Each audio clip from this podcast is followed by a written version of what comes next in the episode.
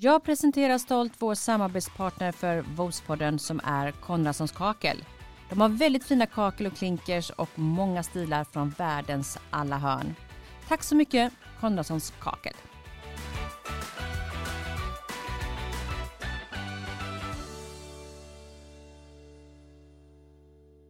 Välkommen till Vos-podden. Jag heter Pernilla och i veckans avsnitt gästas vi av en kvinna som älskar mode och arbetar som hållbarhetsexpert. Går det att kombinera? Hon är författare till tre böcker och föreläser om ämnet slow fashion som är en del i hållbart mode. Hon heter Johanna Nilsson. Dagens avsnitt spelas in digitalt på grund av rådande tider.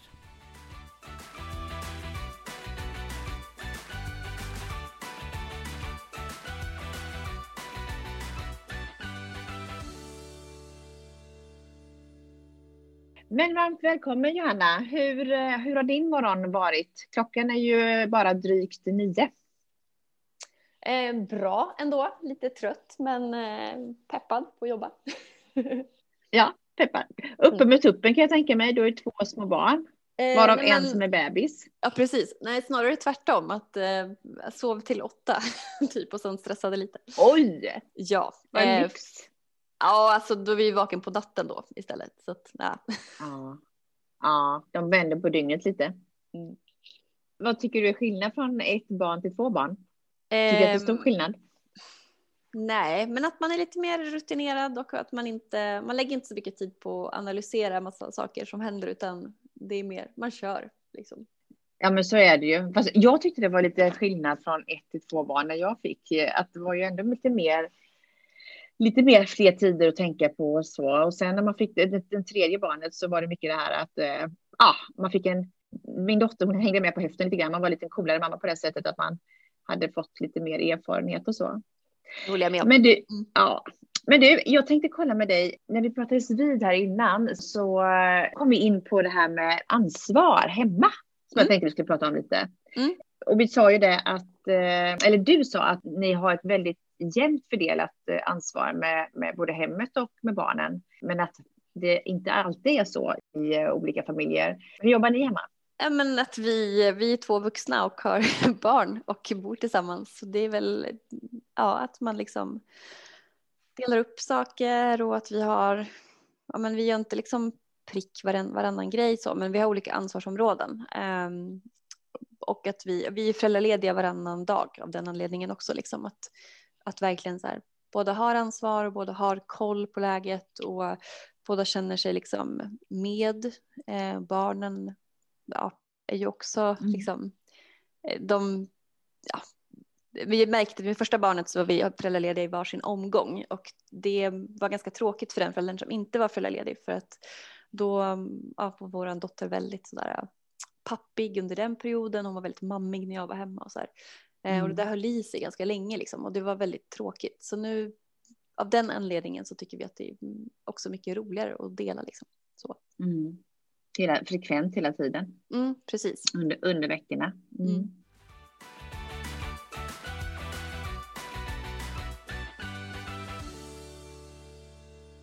Du har ju blivit årets framtidsmammas. Och det var ju förra året tillsammans mm. med Emma Sund och Maria Soppo av mm. tidningen Mamma. Vad är en framtidsmamma? Ja, alltså vi fick ju den uppmärksamhet, eller upp, utmärkelsen ska säga, för eh, vårt arbete med Klimatklubben som vi startade hösten 2018. Eh, och ja, för vårt arbete med liksom klimatfrågan och väcka opinion och påverka och så.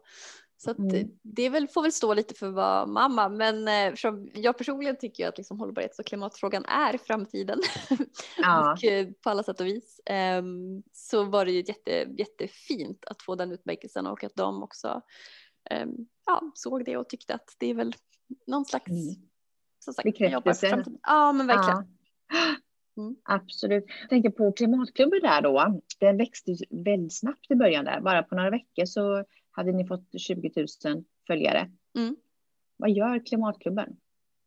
Klimatklubben är, eh, började egentligen som ett eh, nätverk eller liksom ett eh, eh ja, egentligen så här upprop eller vad man ska kalla till att idag så är det faktiskt en, en förening. Eh, men det är egentligen att väcka opinion, påverka, samla kraft för att liksom väcka klimatfrågan, skapa förändring, aktivism. Ja, men det föddes ju liksom att väldigt, vi är ju väldigt många som har eh, klimatångest och haft det kanske i flera år. Eh, och 20, hösten 2018 var liksom också, det var efter den här supervarma sommaren när det var mm. mycket skogsbränder. Det var IPCC, alltså FNs klimatpanel som släppte sin rapport där den 8 oktober som liksom verkligen skakade om eh, väldigt många i hela världen. Och vi kände väl, jag, Emma och Maria, vi kände varandra lite grann via liksom våra Instagram och influencervärlden, eller vad man ska säga. Um, och vi kände att men kan vi steppa upp? Vi har ganska stora kanaler och vi hörs, liksom, vi når ändå ut till ganska många. Och kan man liksom samla ihop alla de som vi som då är väldigt oroliga mm. för det här och att kanalisera om det till engagemang istället så, så kan vi liksom påverka på ett helt annat sätt. Så det är liksom, mm. det är liksom klimatklubbens eh, roll och har alltid varit att eh, ja, men, kanske, ja, sen har vi en Facebookgrupp också och där har det ju varit startats mycket kampanjer och liksom av medlemmar så att tanken med klimatklubben har varit mycket att den som är med där är också den som är med och driver eh, mm. allting. Eh, så mycket liksom initiativ har startats och så där, eh, namninsamlingar, upprop och så, vilket är superhäftigt.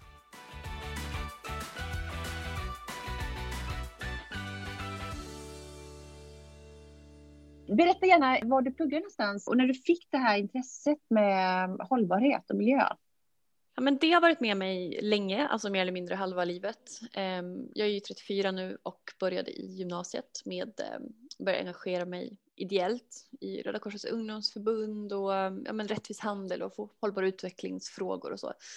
Och ja, jag har alltid haft liksom ett stort klädintresse så att då att det också blev liksom fokus på just textilindustrin var väl på ett sätt ganska naturligt egentligen när vi pratar om just hållbarhetsfrågor och så. Um, så nätverket Rena Kläder som då Röda Korsets ungdomsförbund var liksom en, en del av var ju väldigt aktiv och så. Uh, ungefär 2005, 2006, 2007 där någonstans. Um, så det är väl egentligen det som är min grund. Sen så, mm.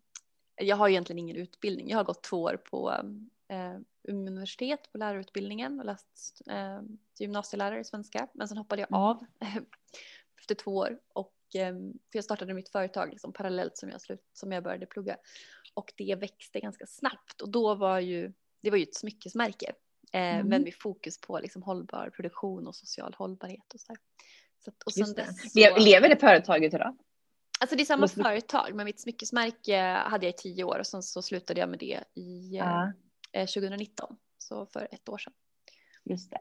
Och anledningen till det var egentligen ingen annan än att jag eh, var klar. Alltså tio år, så det är ganska rimligt att eh, byta jobb. Faktiskt. Mm. Och idag föreläser du ganska mm. mycket kring klimatfrågorna och framför allt inom, inom mode och eller slow fashion och slow business. Vad är det för skillnad på slow fashion och hållbart mode? Det är egentligen samma sak så, men det är väl egentligen ett begrepp liksom inom, inom det, vad man ska säga. Och jag har, alltså jag har skrivit en bok som heter Slow Fashion och min podd heter Slow Fashion-podden och så där, så att det är väl egentligen mer det begreppet som jag, eh, som mm. jag använder och har förklarat eller liksom på något sätt så konkretiserat. Eh, och det är väl egentligen också för att håll, hållbarhet och hållbart mode och så, det är så många som pratar om, om det, framförallt väldigt mycket företag och så där. Men, mm. men jag och mm, har ju kanske inte riktigt samma definition som väldigt många företag och så där. Så att det är, det är ett ganska urvattnat begrepp egentligen eh, om man mm. tänker vad är, hållbart, vad är hållbart mode för dig? För det är ju ganska komplext egentligen nämligen. För du säger ju att du vill inspirera med att prata om hållbarhet men, men utan att förenkla det. Mm. Så, så vad är det egentligen? Ja men det är ju en väldigt komplex fråga. Fast, eller mm. samtidigt så, här, så kan jag tycka också att det inte är det. Eh, alltså för att om man tittar liksom på forskning och så som jag också pratar, det, det, det vi vet är att vi för det första måste vi liksom, eh, vi måste köpa mycket, mycket mindre nyproducerat. Eh, för idag så köper vi alldeles, alldeles för mycket som blir till avfall eh, och så vidare. Eh, och det kräver, alltså, det kräver väldigt stora resurser att producera någonting och vi använder grejerna mm. liksom väldigt kort stund och sen så blir det till avfall och så har vi liksom ingen bra hantering för det som det ser ut idag. Utan Nej. i princip allt bränns ju. Så vi måste köpa mycket, mycket mindre nyproducerat och sen måste vi förlänga livslängden på det som finns mycket mer genom att så här, laga, mm. vårda, hyra, byta, second hand och så vidare. Men det som vi ska komma ihåg är att i princip alla företag, liksom de här konventionella som finns idag, Ehm, även om man pratar om hållbarhet så, så pratar man ju egentligen inte om det som är deras liksom, affärsmodell eller affärsstrategi, det vill säga eh, att sälja mycket nytt ofta. Och det är ju, det de vill är ju det är ju överkonsumtion liksom. Så att när man pratar om, ja men det här är ett hållbart val och du kan köpa den här för ekologisk bomull eller vad det nu kan vara, så handlar det fortfarande om ett nyköp. Där vi liksom uppmuntras i form av så trender och så vidare att köpa väldigt mycket och konsumera väldigt mycket. Eh och där är ju vi inte överens för att jag tycker att vi måste, vi måste, vi måste konsumera mycket, mycket mindre eh, och vi måste liksom värdesätta eh, det, vi, det vi har och vi måste ta hand om det mycket mer och så där. Och ja, där är ju liksom forskningen är ju, där är ju jag och forskningen, jag lutar mig mot den liksom, vi är helt överens. Ja. Jag, jag läste lite grann just det här att det är 14 kilo textil per person. Mm. Och det är 7,5 kilo eh, av det som vi då knölar ner igen i soporna. Per år ja, mm, i Sverige. Per år ja, precis. Mm. Och sen så ungefär 3,8 kilo går till second hand per Nej. år. Ja precis, vi lämnar 3,8 men vi köper bara 0,8. Ja, just det, precis. Eh, och sen så tror de ju då att upp till eh, 2030 i alla fall eh, så beräknas det att öka ytterligare 60 procent. Mm. Globalt sett, precis. Globalt sett, ja. Hur ser du på det här?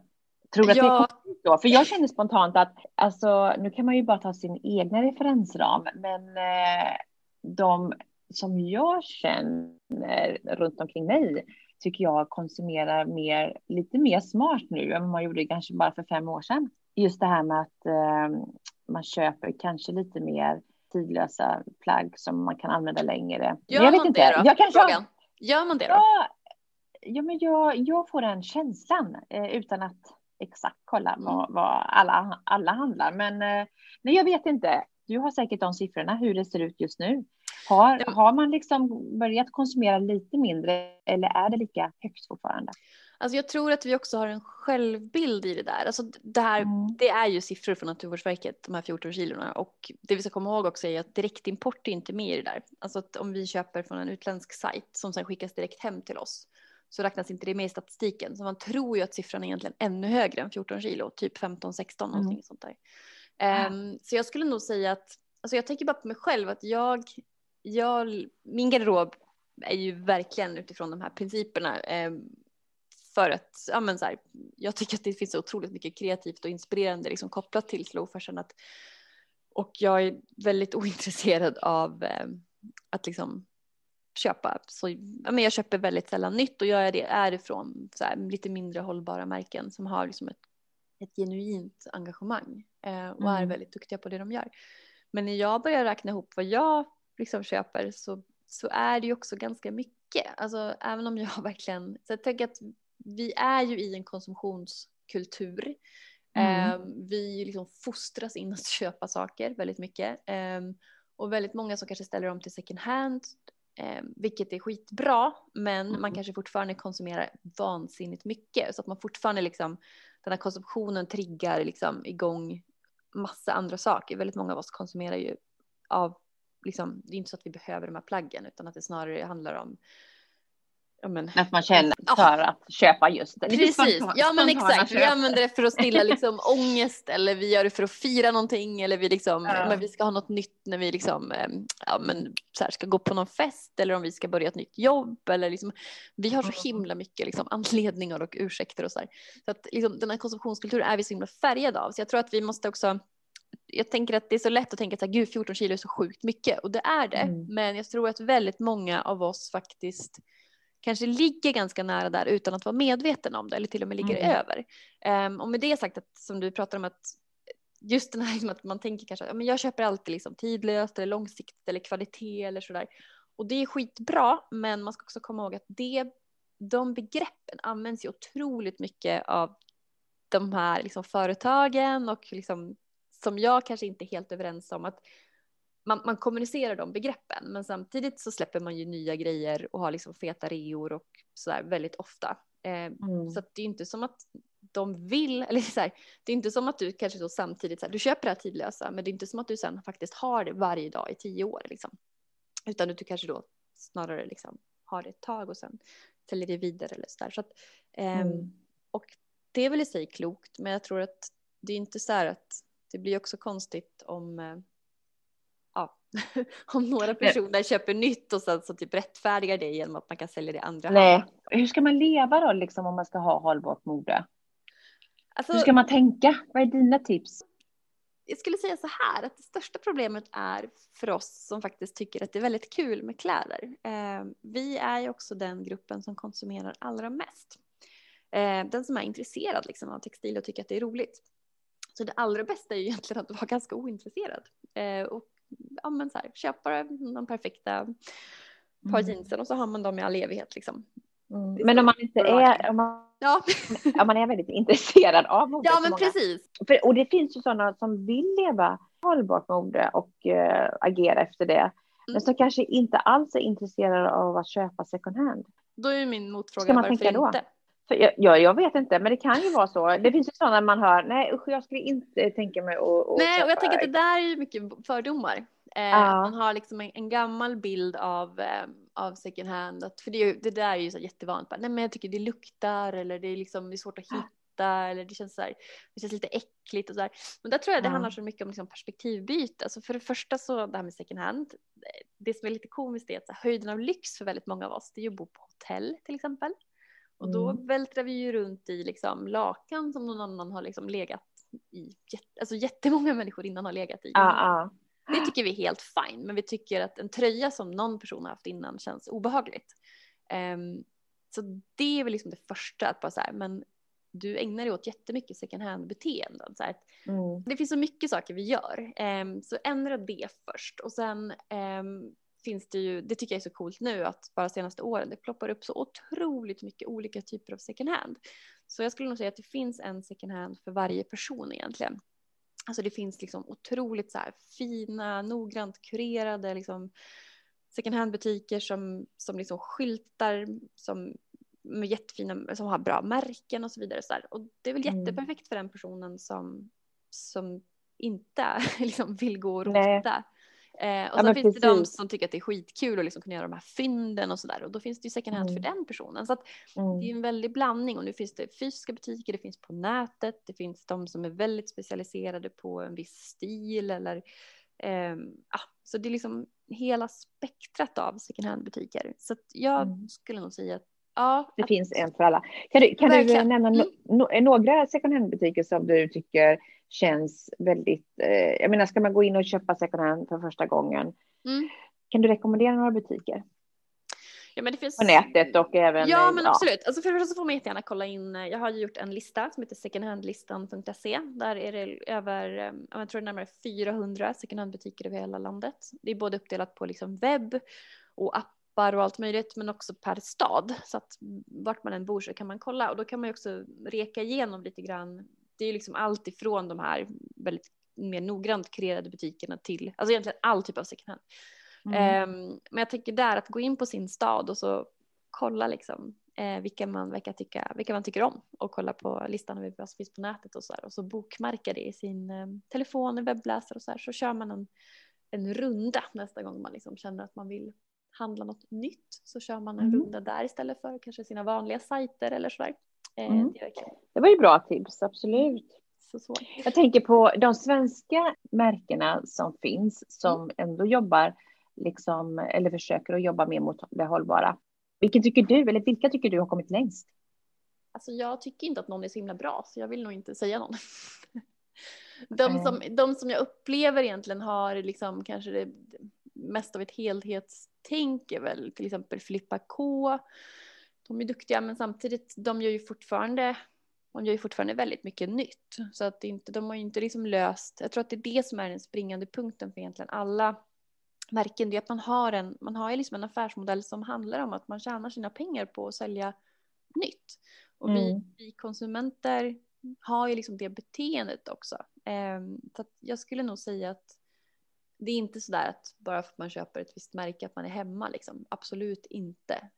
Um, utan snarare, jag skulle nog snarare vilja lyfta, alltså jag, just det här med liksom kanske snarare att man går till sitt eget beteende egentligen istället om man ska vara väldigt så här konkret. Att, men som vi pratade om att det bästa är att inte konsumera alls, eh, men att ha med sig de här två tum, liksom, reglerna egentligen. Att så här, köpa mindre nytt och sen använda det som finns mycket längre. Och då kan man ju antingen då köra hela livslängden själv, alltså att man köper ett plagg och så har man det verkligen så länge det bara, bara går.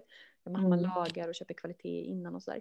Och det vill kanske passa mer till den som det är oftast inte kanske det beteendet man riktigt har om man, om man har det här superintresset liksom, utan man tycker just att det är kul med så nya outfits och eh, mm. nya kombinationer och testa nya mönster och färger och snitt och så där. Och då skulle jag nog säga att då ska man nog snarare tänka att man ska dela livslängden med väldigt många andra personer. Alltså att vi säger att second hand, att, eh, eller hyrgarderober finns det ju väldigt många nya, liksom spännande. Ehm, mm. Och ja, men att så här, köra klädbyten med folk man känner, kan vara kollegor mm. eller Det har ju kommit mer och mer ja. i många städer nu, just det med klädbyten. Ja, och... och det är ju skitlätt att styra upp själv ja. också. Liksom. Att det är bara att så här, ja, men bjuda in, så här, kanske inte just nu då, men sen. Eh, man kan göra det digitalt för också, men att man så här, drar ihop tre, fyra kompisar och så med lite samma storlek och stil och så kommer liksom mm. de här grejerna man själv kanske har tröttnat på eller så, hitta nytt hem liksom och så mm. låta det cirkulera på det, på det sättet. Mm. Um, så att, att liksom i det fallet då mer börja se på sin garderob som en hållplats på vägen.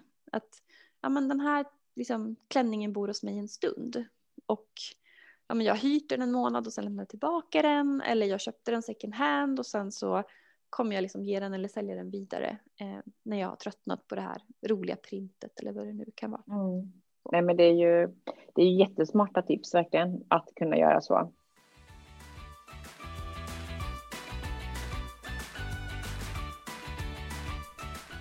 Vi på Vose är ju så mycket mer än denna podcast. Har ni inte varit inne på vose.se är det hög tid att gå in nu.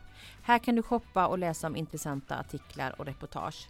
Vi uppdaterar även våra sociala medier flitigt där vi pratar om de senaste trenderna och ger inspiration. Följ oss gärna där.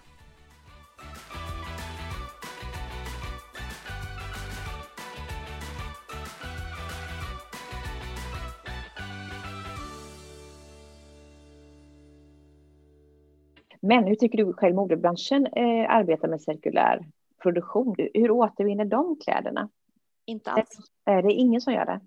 Alltså det forskas väldigt mycket. Det tror jag, det vill, så här, det vill jag gärna skicka med. Det tror jag är nog kanske en av de största myterna vi har just nu. Att vi tänker att vi lämnar ju in till så kallad textilinsamling och sådär. Eh, även på liksom kommunens återvinningscentral eller till liksom, många kedjor har ju en, en inlämning till, till textilåtervinning. Men det vi ska komma ihåg är att som det ser ut idag så är det alltså mindre än en procent av det som lämnas in till det som faktiskt återvinns till nya kläder. Mm. Ehm, och varför det, är det så tror du? Eh, därför att det är tekniskt väldigt komplicerat. Alltså, mm. eh, om man tänker, alltså begreppet återvinning används också lite så felaktigt ibland. Men återvinning egentligen handlar om att man bryter ner det på fibernivå. Alltså att har man en bomullströja så handlar det om att separera hela tröjan ner till fibrer. Och eh, det kan man göra antingen på så kallad mekanisk väg, det vill säga då, river man egentligen upp det. Ehm, och sen sätter ihop det, väver ett ja, gör en ny tråd egentligen och väver ett, ett nytt tyg av det. Mm, och det. det. varje gång du gör det, du kan bara göra det ett visst antal gånger, för varje gång du gör det så blir liksom fiberlängden kortare. Eh, mm. och kvaliteten blir sämre, vilket gör att om du hittar ett plagg till exempel där de säger att ett par jeans av återvunnen bomull till exempel, då brukar det vara ungefär 20 procent återvunnen bomull och sen är det kanske 80 procent eh, ny bomull. Eh, och det är egentligen för att man överhuvudtaget ska kunna få ihop de här fibrerna. Liksom. Okay. Och sen det andra är kemisk väg och då använder man liksom kemikalier för att till exempel gå från bomull till en viskos massa istället. Ja. och det forskas jättemycket på det här. Det ligger eh, utredningar just nu hos Naturvårdsverket och på EU-nivå och så vidare, för det kommer komma ett nytt avfallsdirektiv och så där. Eh, lite vem som har ansvaret för det här och så vidare. Eh, så det kommer komma väldigt mycket. Men som mm. det ser mm. ut idag så, så finns det liksom inte storskaligt. Det är mer så här H&M gick ut nyligen eh, med att de har en återvinningsmaskin i en av sina butiker och så där och det är skitcoolt men det är så det är egentligen ett test och lite så experimentnivå. Tanken är att det här ska kunna skalas upp men det är fortfarande otroligt, otroligt litet. Ja, det kommer ta tid.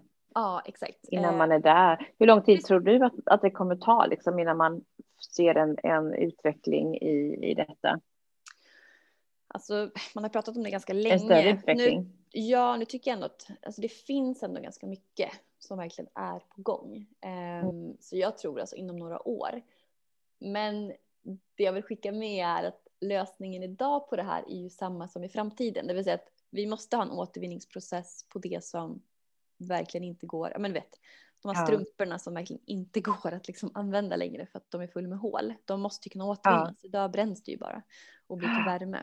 Eh, men vi ska liksom inte lura oss själva och tänka att vi kommer att ha ett system där man liksom kan köpa en ny tröja och så släng, skickar man den till återvinning på måndagen för att du köpte den på fredagen. Liksom. För, då, för det går fortfarande åt så otroligt mycket resurser åt eh, ja. att producera något. Mycket energi att, till det. Ja, precis. Och även att mm. återvinna kräver ju energi. Liksom. Så mm. vi måste fortfarande tillbaka till det här att vi måste liksom minimera mängden nytt och förlänga livslängden på det som finns. Och när vi liksom mm. har gjort alla de stegen, då, då måste vi ha en återvinningsprocess som, som funkar. Um, mm.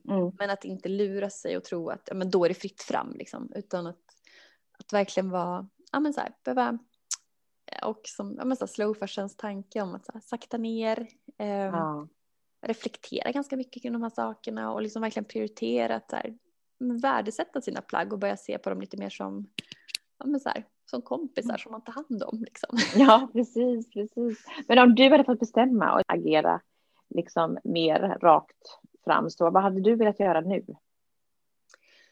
Jag skulle vilja ha en typ av lagstiftning. Jag vet inte hur det praktiskt ska gå till. Eh, men där, alltså grundproblematiken handlar egentligen om att nytt är för billigt. Ehm, jag tror att det är liksom där vi hela tiden hamnar. Att när vi kan köpa en ny tröja för 50 spänn så så lagar vi inte om den går sönder och vi, liksom, vi, äh, vi råkar tvätta sönder den och vi, det var lite mm. tråkig färg och köper en ny eh, och så vidare. Eh, så därför tror jag att det nya, de nya resurserna måste bli dyrare, eller snarare så här, de måste, få, de måste betala sitt verkliga pris för att mm vi gör ju inte det när vi köper kläder idag.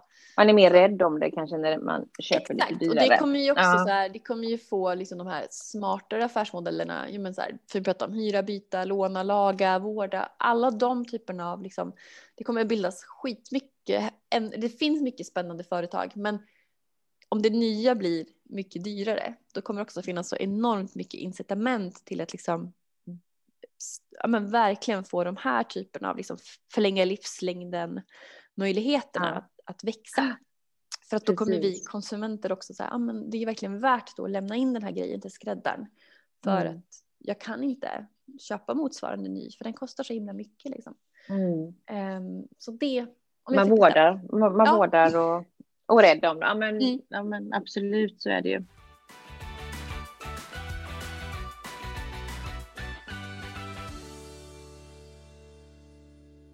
Du har ju blivit utsedd till Sveriges second hand-profil också mm. förra året mm. av Erikshjälpen. Berätta lite om den.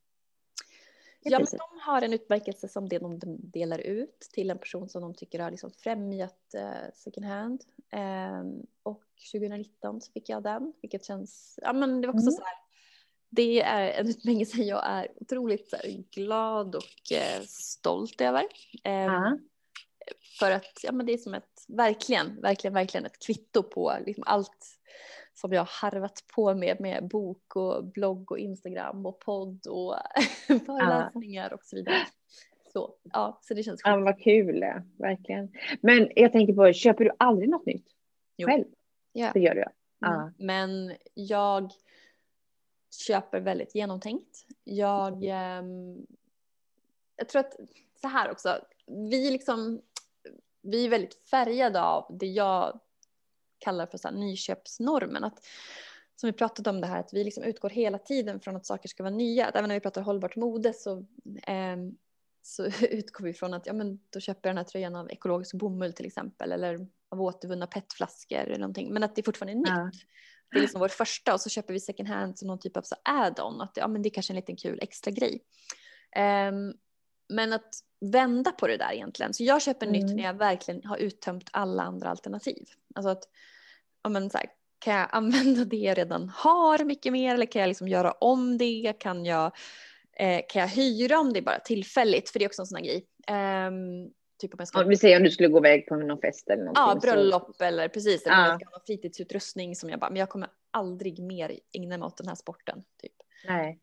Um, så. Uh, och sen begagnat, alltså verkligen så här second hand i första hand. Um, och mm. när jag liksom har rekat allt det där och bara nej, jag hittar verkligen inte det jag ska ha då köper jag nytt. Eh, sen köper mm. jag så här, underkläder och strumpor är väl så här generellt att jag köper nytt liksom. Eh, och där och då när jag köper nytt så försöker jag verkligen i första hand hitta ett, ett schysst märke. Eh, Som kan vara exempelvis? Alltså jag köpte ett par nya löparskor nyligen för att jag hittade ja. ingen second hand för mina fötter. Mm. Och då köpte jag dem från ett märke som heter Veja som precis har, de har gjort sneakers i jättemånga år, liksom, är väldigt duktiga. Mm. Ehm, mm. Men har också precis lanserat en löparmodell. Och jag tycker också att när man väl då köper nytt så ska man ju också stötta liksom, spännande företag. Tycker jag också är en sån här viktig grej liksom. Och det är klart att det kostar lite mer, men jag tänker mycket så här pris per outfit. Att mm. ja, men, vissa dagar, ja men då kanske så här, skorna kostade nu var inte de så jättedyra um, jämfört med många andra läpparskor, men jag tror för 1500. Men då har jag liksom en tröja som är så här klädbyteströja och jag har ett par brallor som jag köpt på second hand för 50 spänn. Alltså att då blir det totalen väldigt låg. Så att man liksom, mm. tänker man på det sättet då, då är det inte orimligt att kanske emellanåt lägga 500 spänn på en, på en t-shirt. Liksom, fast man egentligen tycker att det är lite för mycket. Mm. allt det andra är typ mycket billigare. Um, så. Men sen, mm. där är också en balansgång vill jag bara säga. Så här, att, ja, för jag tänker att det viktigaste, det mest hållbara vi kan göra är ju att, att liksom köpa saker som vi sen verkligen kommer att använda. Och det vill jag verkligen liksom skicka med att alla vi hamnar ju alltid så i dilemman, typ att ja, men som till exempel med underkläder, att där har jag provat lite olika mer hållbara märken men då har grejerna inte hållit, alltså att kvaliteten har varit för låg eller att passformen mm. eh, men så här, jag har verkligen inte hittat en BH-modell som jag gillar från något av de liksom, eh, hållbara märkena som jag har dykt på. Nej. Och så kanske prislapp en del av det också. Men jag kan inte betala 600 spänn för ett par trosor. Det går inte. Nej. Och då är liksom det minst dåliga då är ju att jag köper något som är som jag tycker är dåligt producerat. Men sen har jag liksom de här trosorna tills de verkligen faller i bitar. Att ah. Det är så jag då kompenserar upp det liksom. Eh. Kan det vara ett problem det här, de som vill jobba väldigt hållbart med sina plagg, att det kan bli också att kvaliteten blir sämre? I formen um, kanske? Inte, alltså det har, hänger inte ihop så, det skulle jag inte säga. Nej, nej det gör det inte. Alltså till viss del kan det göra det i form av att om man pratar om kanske så nya innovativa material och sådär, att det ibland så kanske man sätter ett material lite för snabbt på marknaden innan man har testat det. Um, uh. Att det är så här, shit, gud vad coolt att vi kan göra det här av, um, um, av de här bladen, typ, eller vad man nu kan vara. Liksom. Mm. Och mm. så bara, oj, det höll inte så himla bra. Liksom.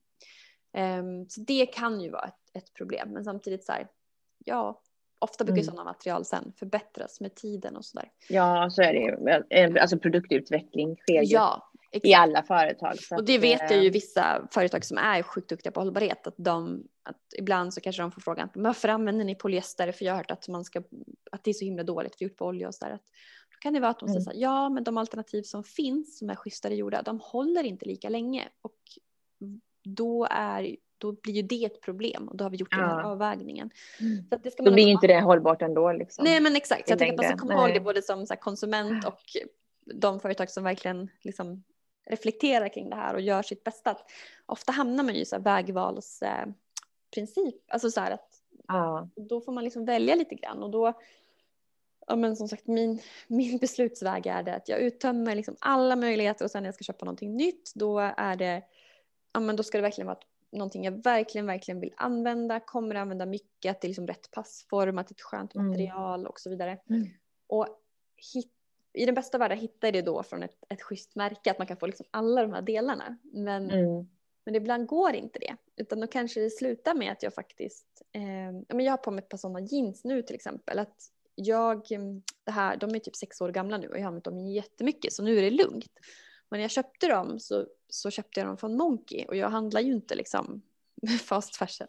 Nej, nej. Men jag, det fanns liksom, jag använde alltid liksom hög, väldigt hög midja och stuprör och stretch jeans och det fanns typ ingen annanstans att hitta de här paren jeansen. Um, då var jag så här, ja men nu har jag, jag hade köpt ett par från, från Nude Jeans som är skitduktiga på hållbarhet liksom. Uh, nu gör de en, en, uh, ett par jeans uh, i min modell som är, så det är liksom, nu kan jag äntligen välja det. Men då hade jag köpt ett par jeans och de var, midjan var alldeles för låg så jag använde aldrig dem. Mm. och då var jag så här, ah, fan hur ska jag nu göra? Men då köpte jag de här från Monkey, hade lite dåligt samvete men nu har jag, men samtidigt så visste jag ju också så här att eh, jag vet ju också att det här valet är genomtänkt. Jag har uttömt mm. Alla möjligheter. Du har haft dem länge. Ja, ja har, och jag kommer att använda dem mycket liksom. Och nu har jag ju, och det stämde ju. att, ja men det är ja. bra, sex ja. år är ju bra för ett par mm. byxor, absolut. Mm. Men, men tänkte... ja, precis. Får jag bara skicka med en sista grej i det där? Ja, uh, absolut. Det låter som att man lägger så jäkla mycket tid på det här. Det vill jag bara säga att nej, det verkligen väldigt många av oss är man intresserad så sitter man ju och lägger skitmycket tid på så Instagram och scrolla och allt möjligt och så ja. um, men det jag pratar om är ju faktiskt att bara så stanna upp lite grann och göra lite mer genomtänkta mm. val. Att det är så här, men, lägg lite tid på att liksom fundera ut det ultimata plagget mycket mer. Så att, men, jag är verkligen sugen på den här grejen eller så här, gud nu har jag så här, i tre veckors tid verkligen känt att jag saknar det här basplagget i min garderob. Um, att liksom och då är det ju värt att lägga liksom lite researchtid på, på just det. Så att mm. det handlar väl kanske mer om att här, istället för att tänka på hundra plagg så kanaliserar man ner det i så här, två stycken. Typ, ja, men precis. Ja, men det är jätteintressant verkligen.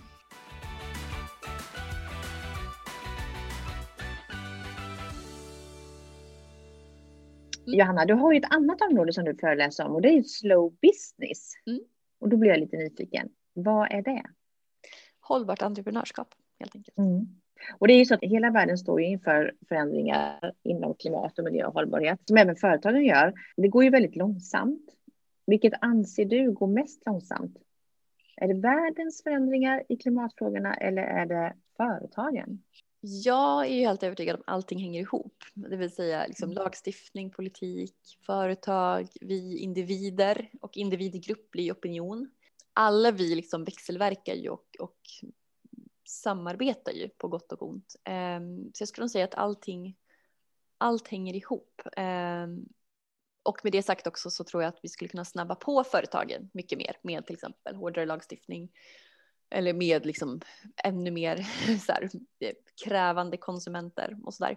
Men samtidigt mm. företagen kan ju också gå i bräschen alltså så här, och erbjuda. Jag tänker att vi snackade förut om att Eh, många företag pratar om hållbarhet och det som är lite, eh, det är väl liksom också trycka på lite grann att det blir också lite av en så här chimär när man pratar om konsumentmakt. Att de säger, ja, men du kan alltid välja, då kan jag som konsument välja det mer hållbara valet som de erbjuder. Men de gör kanske fortfarande 94 procent skitdåliga grejer. Och då är frågan mm. så här, de skulle ju också bara kunna bestämma sig för att göra 100 procent bra. Att det är liksom att vi fick ett affärsmässigt beslut. Mm. Um, och då är det kanske oftast affärsmodellen. Ja, det kan det vara. Eh, men det kan också, men jag tänker så här, samtidigt kan det vara ibland är det så fåniga saker, alltså att man faktiskt bara kan plocka bort någonting. Alltså så här, man kan ju mm. också välja kan jag känna. Att, eh, ja, men nu så här, nu gör vi det här, så här, istället för att säga ah, de här tröjorna är ekologisk bomull, då kan det vara så här, ja, när vi väl, när vi använder bomull, då ska det alltid vara ekologiskt. Det är liksom en no-brainer. Det ska mm. inte vara upp till konsumenten att stå och välja i butik och vara så informerad och påläst och så vidare. För det, det är ju skitsvårt. Utan man ska vara mer konsekvent egentligen när ja, det gäller. Verkligen. Eh, det är väl det och... också som jag, när jag liksom tjatar om det här med att vi måste köpa mindre nytt och använda det som finns mycket, mycket mer. Mm. Det är mm. också ett sätt att liksom som, som individ ta en genväg. För att annars så fastnar man så jäkla lätt i det här eh, så här, vilket material ska jag välja, vilka företag är okej okay och så vidare. Och det är så här, det är, du måste vara så jävla påläst för att så mm. förstå vilka certifieringar som står för vad, för vilka material som är för, så bra för olika saker. och så vidare och så vidare. Eh, så att liksom en genväg i det där är ju egentligen bara då så här, du behöver inte kunna allt det. Eh, köp second hand så slipper du bry dig. Alltså det är lite den, den Mm. grejen. Det blir mycket lättare, mycket Ja, enklare. Verkligen. Men du har ju sagt att företagen då som inte bryr sig om klimatet kommer ha svårt att hänga med sen framöver när Mm. många företag, andra företag har kommit väldigt långt. Hur blir konsekvenserna? Jag Tror tror att man inte kommer finnas. Alltså det kommer Nej. vara Alltså allt ifrån att det kommer vara mycket hårdare lagstiftning. Alltså jag tänker, det är bara att titta på bilbranschen nu. Det här med elbilar. Den omställningen nu går så jävla fort. Eh, Mm. vilket är skithäftigt. Och det är Mm. nog för att man börjar känna att tåget går. Tillsammans med liksom, det är, blir ju hårdare liksom, utsläppsregler och den typen av saker i många länder. Liksom. Eh, och då måste man vara med på det tåget för att inte bli utdaterad. Liksom. Jag tycker att det, ja, men det är verkligen så här, jämföra det med liksom den tekniska utvecklingen. Att de som inte digitaliserade sig eller fattade grejer med internet för x antal år sedan, de finns ju inte idag. Liksom. Nej, det är väldigt tufft i alla fall. Men eh, vi säger om man har ett företag och man ska börja och jobba mer Mm. klimatsmart. Eh, oavsett bransch egentligen. Eh, var ska man börja någonstans? Att inventera, det gäller väl också en som individ, så här, att, att kolla på vad är det vi har störst påverkan ehm, i. Liksom. Och att, jag skulle också säga så här att tiden har liksom sprungit ifrån det här, de här liksom, som vi pratade om på 90-talet. Att ja, men, eh, eh, återvinn papper eller skriv ut på båda sidorna. Eller, alltså, det är så små, små saker. Det viktigaste är egentligen vad är det du tjänar dina pengar på? Alltså så här, Mm. producerar du någonting? Hur ser den produktionen ut? Och vilka beteenden och säljer du den här produkten? Vilka beteenden uppmuntrar du då? Alltså prata om det här att du kan göra en jättebra produkt i kvalitet som håller länge, säger vi, och du har koll på hela produ- produktionsprocessen och är duktig på det.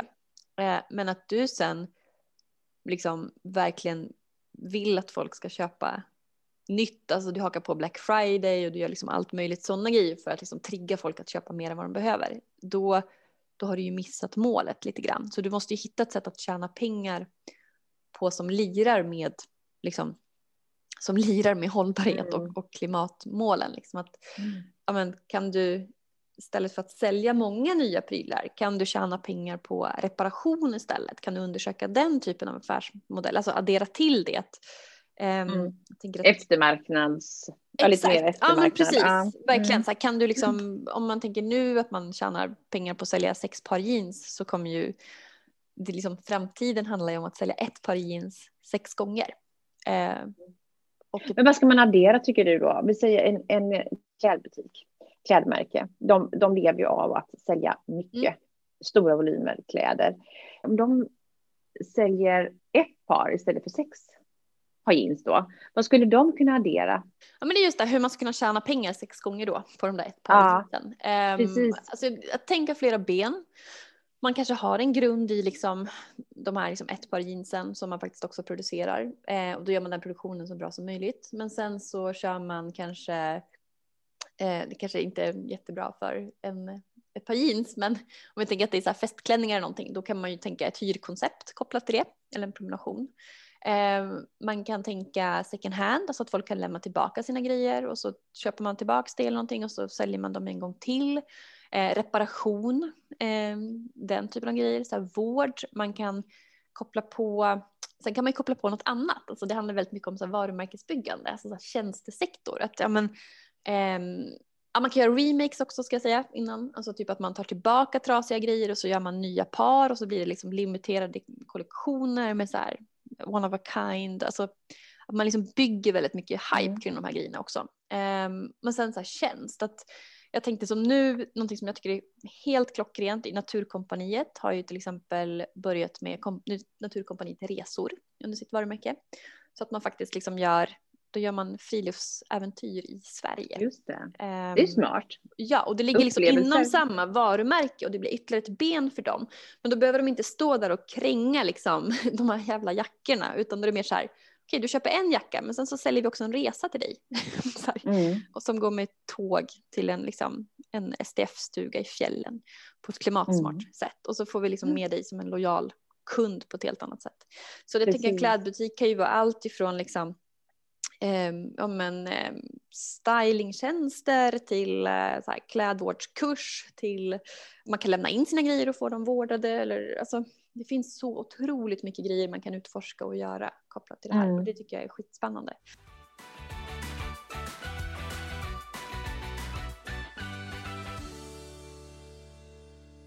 Vad anser du är de största klimatbovarna i världen? Många säger att det här med att flyga ska man inte göra. Nu kan man ju inte ens flyga. Eller man kan, fast det är inte så många som gör det. Men jag tänker på, mm. det kanske inte är så stor ändå klimat, klimatpåverkan vad man har förstått flyg ändå. Om man, om man jämför med många andra. Det beror på hur man eh, räknar. ja, Alltså men, jag flyger ja, inte sen, nej, du, jag vet, sen snart tre år. Ja. Nej, jag vet att du, du, du är inte iväg och, och flyger. Du tar ju gärna tåg fast du mm. åker utomlands. Mm. Och så tar du gärna tåg när du gör dina föreläsningar. Men jag tänker, vad är de största bovarna egentligen? Ja, men alltså, energisektorn är absolut en så här jättestor och där sker det ju en stor omställning nu, liksom från kol och fossilt och så där. Eh, mm. Men jag skulle nog säga att man, alltså, man måste liksom titta på, alltså, för det första så, så, tycker jag att vi måste prata om de här frågorna utifrån ett solidariskt ansvar. Ja. Alltså när vi pratar om oss som individer så handlar det om att liksom överhuvudtaget att inte peka finger på någon annan för det är så lätt att vi hamnar där. Men kolla på Kina då eller nej men jag gör ju inte så himla mycket. De här gör ju mycket mer och så utan att man faktiskt tittar, man, både att man ska räkna på också per capita, man pratar om individ, alltså pratar om just flyget att ja nej totalt sett så så står inte det för så många procent. Men det är också väldigt få människor i världen som flyger. Och liksom tittar man då på vad en resa släpper ut, alltså idag så, så ligger ju svenskens snitt på ungefär 9 ton per person och år i koldioxid. Mm. Eh, och vi ska ner till ett ton eh, enligt FNs mål liksom till 2050. Mm. Och en flygresa till Thailand till exempel ligger på 2,7 ton. Eh, och då är frågan så här, hur får du in den i din budget? Eh, Precis. Min individuella budget. Exakt, och den sker mm. ju då, alltså den här resan sker ju då på bekostnad av liksom resten av världen. Att, vi tänker också att, det vi ska komma ihåg också att vi, eh, i FN har man sagt så här, men vi är liksom den sista generationen som kan liksom stoppa klimatförändringarna och vi är den första generationen som kan eh, utrota fattigdomen. Och det vi vet är att när man liksom, ju mer pengar man får desto mer kommer man att konsumera. Och då är frågan så här, ska vi i Sverige då, eh, som är väldigt privilegierade generellt, ska vi fortsätta ja. att konsumera och flyga och bete oss på det här sättet? Samtidigt då, men när liksom flera hundra miljoner människor som för första gången börjar ha lite pengar, ska vi förvägra mm. dem det då? Mm. Alltså det blir ju inte rättvist någonstans. Så att jag tror att vi måste liksom tänka att okej, okay, men vi som har liksom ett sånt välstånd, vi måste ju på något sätt så visa hur man kan ha det här välståndet utan att det sker på bekostnad av liksom jordens eh, resurser. Um, så utifrån det, jag kan leva ett fantastiskt liv utan att behöva flyga. Um, mm. Och så det är så här, ja, vi kan liksom inte peka finger utan man får liksom ta sitt ansvar och välja sina största puckar. Att det är så här, ja, eh, jag tror att det är där också att ofta kan man ju tänka här, ja men jag källsorterar så bra så då, då är det lugnt att flyga. Och bara, Mm. Men de står inte i paritet till varandra utan Nej. får typ källsortera i så hundra år eller någonting för att motsvara en, en flygresa till New York. Typ. Alltså det är så här. Mm. Eh, så, så det, att man, man förstår skillnaden där. Ja. ja, och liksom faktiskt också titta på det här på ett faktabaserat sätt. Att, att inte mm. gå så mycket på känsla utan faktiskt så men vad är det för utsläpp vi pratar om? Eh, och vi ska komma ihåg att alla utsläpp ska ju ner. Så att det är också ytterligare som en aspekt att inte peka finger så himla mycket. Nej. Att det är så här, ja, men ja, jag håller med om att det är inte mitt ansvar som individ att ta allt. Um, alltså det är inte, jag ska inte ta allt ansvar utan stater och länder och företag och alla måste ta sjukt stort ansvar. Um, och det är väl det jag menar med att det behövs den här växelverkan liksom mellan så här, privatpersoner och företag och liksom, mm. um, lagstiftning och så där, att allting hänger ihop. Mm. Um, och så, men att så här, för mig är väl det också kanske något sätt att hantera den här klimatoron. Att, att också så förstå vart jag kan göra skillnad kontra inte. Alltså lite den här sinnesro-bönen. Ja.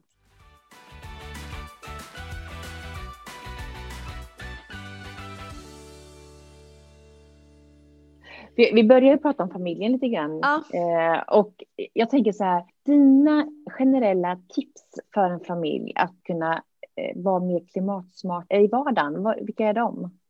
Framförallt skulle jag säga, så här, vad är det man vill liksom föra med till sina barn?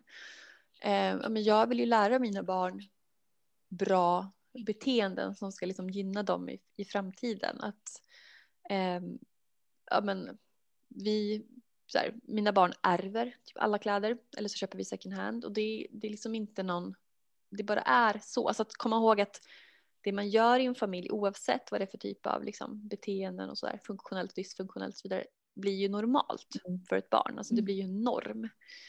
Eh, så med det sagt att det sättet som vi semestrar på, det sättet vi äter, det sättet vi liksom lever är ju normen för, för, mina, för mina barn. Och mm. där, ja men som sagt, ta reda på siffror, alltså göra liksom en inventering, att, att kolla på klimatkontot.se eller någonting sånt och kolla så, men vart är våra största utsläpp då? Och börja och gräva där. Är det, liksom, är det köttet eller bilen eller flygresorna eller konsumtionen ja. eller vad det nu kan vara. Det brukar vara någon av de där stora liksom, puckarna. Eh, och där tycker jag, jag tycker att det är ganska skönt också, det måste jag faktiskt säga, att, att ta hjälp av att man har barn.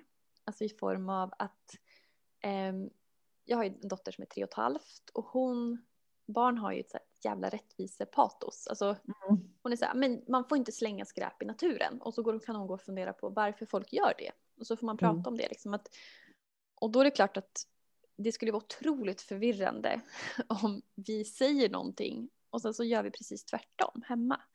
Utan att just det här liksom att, att man själv mår ju mycket bättre av att lira med sina värderingar. Liksom.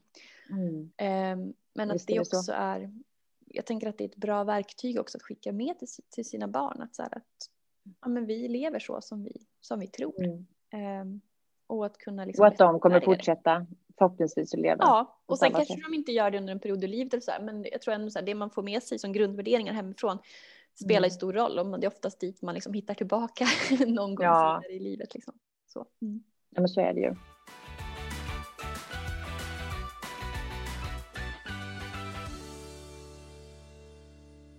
Ju skrivit tre böcker. Mm. Dels är det ju den första som heter Slow Fashion, din mm. guide till smart och hållbart mode. Eh, och det har vi varit inne på lite grann nu idag. Sen har du en annan bok som heter Gör skillnad, från klimatångest till handlingskraft. Mm. Berätta lite om den.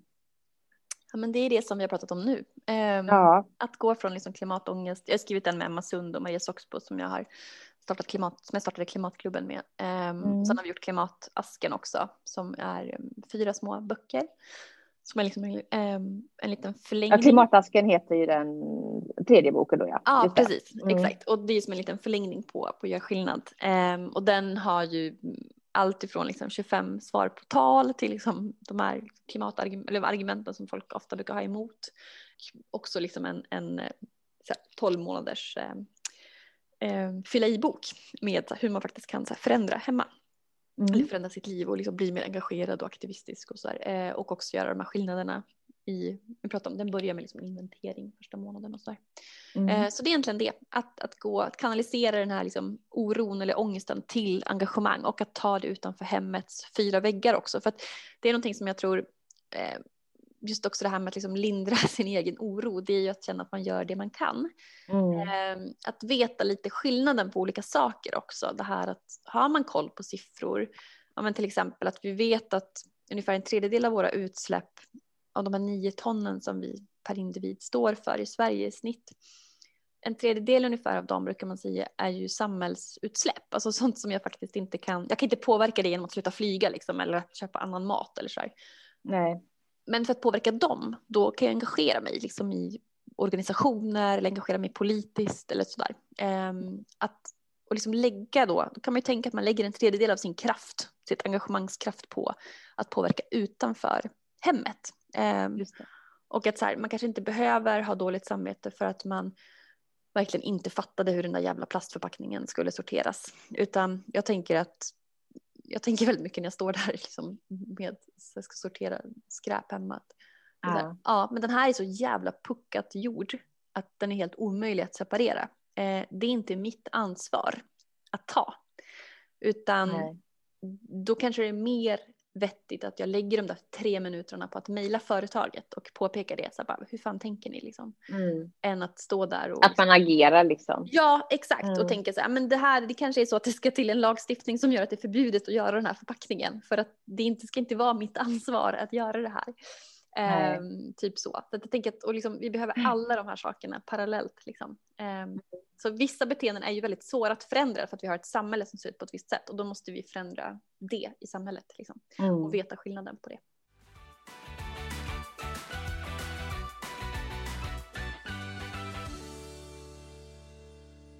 Du, vad tror du eh, vi står om fem år när det gäller slow fashion? Jag Eh, hoppas och tror, eller jag är hoppfull. Jag tycker att det händer mycket nu. För att om det, att det kommer mycket mer spännande second hand-butiker. Det liksom ploppar upp väldigt mycket spännande grejer. Så jag hoppas och tror att det kommer komma lite spetsigare lagstiftning för att underlätta bra beteenden. Eh, jag tror att normen håller på att förändras. Nu kanske det är inom vissa grupper bara, men jag tror att det, eh, att företagen av många olika skäl också håller på att ställa om. Jag upplever väl att man kanske just nu klurar mycket på hur man ska tjäna sina pengar och att det är det man inte riktigt vet. Men att man, man testar väldigt mycket saker nu med så olika koncept och sådär. Um, så jag hoppas och tror att, att alla de här grejerna ska gå i hand i hand och att det kommer göra en ganska stor skillnad. Mm. Um, och det är väl Härligt och att även utvecklingen var en del av det. Ja, men så tänker jag också Verkligen. Det är jag tänker att det är härligt att vara en eh, liksom, early adopter i det här. Eh, för att eh, vi kommer liksom tvingas dit oavsett på sikt tror jag. Så är det ju. Så är det ju. Och så får vi hoppas också att, att modemärkena eh, utvecklas eh, med produktion och, och eh, ja, att man återvinner mer framöver också. Mm. Tusen tack eh, Johanna för att du eh, var med idag. Jätteintressant ämne och det är ett ämne som kommer alltid eh, finnas. Får du ha det så fint. Tack snälla.